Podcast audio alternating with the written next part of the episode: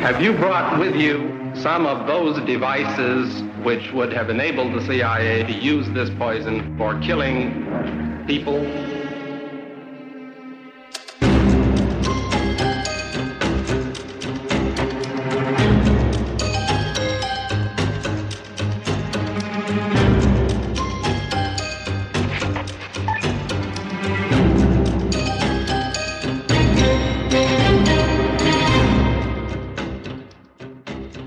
Han kigger på gravstenene, ja.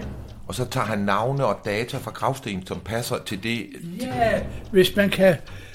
Noget, som man gerne vil finde, det er en gravsten med et lille barn, der er død i en alder af to-tre år.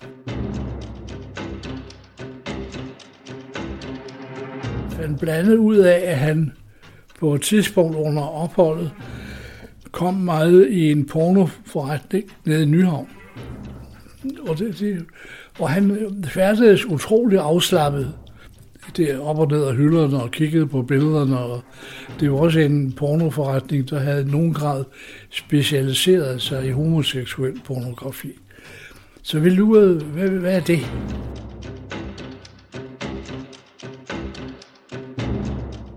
Du lytter til det hemmeligste af det hemmelige. Et program om den kolde krigs hemmeligheder.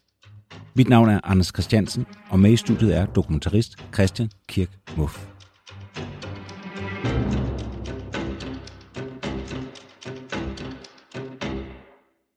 I dag der skal det handle om den sovjetiske afhopper Oleg Gordievsky. Yep.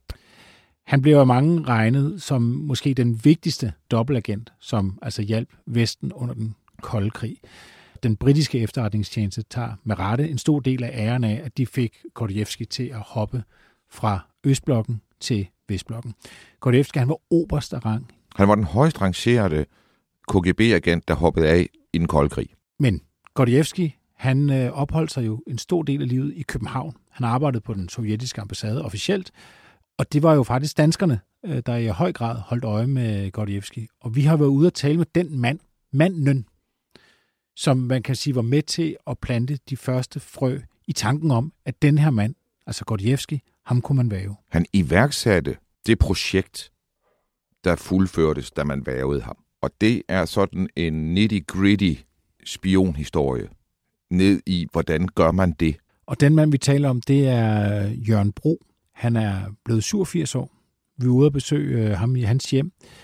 Men i 60'erne, hvor, det, hvor historien her starter, der var han altså operationschef i PET. Han var leder af det, man kalder russerholdet. Kontraspionagen. Og vi starter samtalen med Jørgen ved, at øh, vi spørger ham, hvornår han allerførste gang hører om Oleg Gordievsky. Det gjorde jeg i 1966. Der var jeg året før begyndt min tjeneste i PET som politifuldmægtig. Og øh, det- der, der hører vi om, at der kommer en ny attaché til den russiske, den sovjetiske ambassade. Og det, der gør ham interessant, det er, at der er mistanke om, at han tilhører KGB. Øh, det fortæller vores samarbejdspartner også.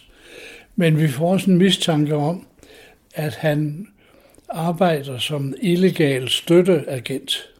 Hvad betyder det? Det betyder, at han som, altså fra sin post på ambassaden skal støtte det illegale net. Øh, sovjetiske efterretningstjeneste var opdelt i to dele. Et legalt net og et illegalt. Og det legale, det var det, der var stationeret i diplomatiske dækstillinger på ambassaden. Og, så, og det var det store, og det vi til daglig havde følge med. Og så var der det illegale net, som er et meget, meget mindre net, men øh, som også er meget kostbart net. For det er et net, der er bygget op på, at man har udvalgt agenter, uddannet dem, sendt dem ind i et målområde øh, med en legende, en, en opdigtet livshistorie, øh, som øh, skulle give dem mulighed for at operere helt skjult i mållandet. Mm.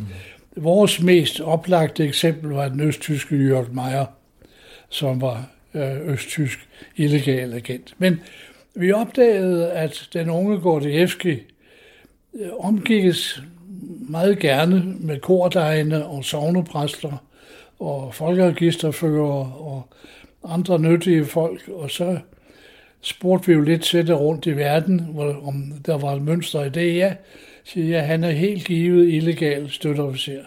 Han er ude og skabe nye identiteter. Altså hans lange, tænksomme spacereture på kirkegård og så videre. Det tyder på, at han er ude at skaffe nye identiteter. Så han kigger på, han kigger på gravstenene? Ja. Og så tager han navne og data fra gravstenen, som passer til det? Ja, hvis man kan... Noget, som man simpelthen gerne vil finde, det er en gravsten med et lille barn, der er død i en alder af to-tre år. Og kan man så gå baglæns, så kan man måske få basis for øh, at opbygge en ny falsk identitet. Øh, det oplevede vi jo med Jörg Meier. Han dukkede op som øh, vesttysker. Han var østtysker, men han kom med en vesttysk identitet, som var hentet fra en vesttysk sømand, der var faldet i havnen i Rotterdam i en brændert flere år tidligere. Og han havde den store fordel, at han var forældreløs og havde ingen nævneværdige slægtninge. Her har vi, og de har åbenbart haft en agent i, i folkeregisteret eller havnevæsenet, siger, han kan bygges videre på. Der kom ikke nogen og hentede livet. Der var ikke nogen blomster til begravelsen. Han var han alene mand. Der er ikke nogen, der kender ham, så der er heller ikke nogen, der kan afkræfte, at det er ham, Nej. hvis vi bygger ham. Ja, og øh, ham fandt vi også frem til ved at lave en, en baggrunds, da vi fik mistanke, en baggrundsundersøgelse, hvor har han egentlig boet. Og det viser sig, at den gade, han har boet i, i Vesttyskland angiveligt eksisterer. Men den slutter bare et husnummer før det, han angiver boet i. Så var vi ved at være sikre på, at vi var på sporet. Så sådan en lille... Når man, det er bare for, at man skal forstå det, fordi jeg har nemlig prøvet at sende folk ind i et fremmed land, ja. hvor de ikke måtte være det, de udgav sig for. Det var nede i Zimbabwe, ikke? Ja. Og, og, og så fandt vi ud af det der med at bygge en legende. Ja. Det er svært. Det er meget, meget svært. Og derfor øh, er der et, et, et særligt direktorat øh, i det daværende KGB og formentlig dets efterfølger i dag, der beskæftigede sig med opbygning og føring af illegale net. Og det har vi jo også på anden måde historisk belæg for, for det fremgår det fortrællige værk, der hedder Metrokenarkivet. Der fremgår det jo, at den daværende danske kommunistformand Knud Jespersen er til kongres i Moskva.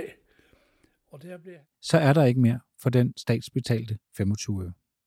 Efter 24-7's lukning er Det Hemmeligste af det Hemmelige blevet en podcast, du skal betale for.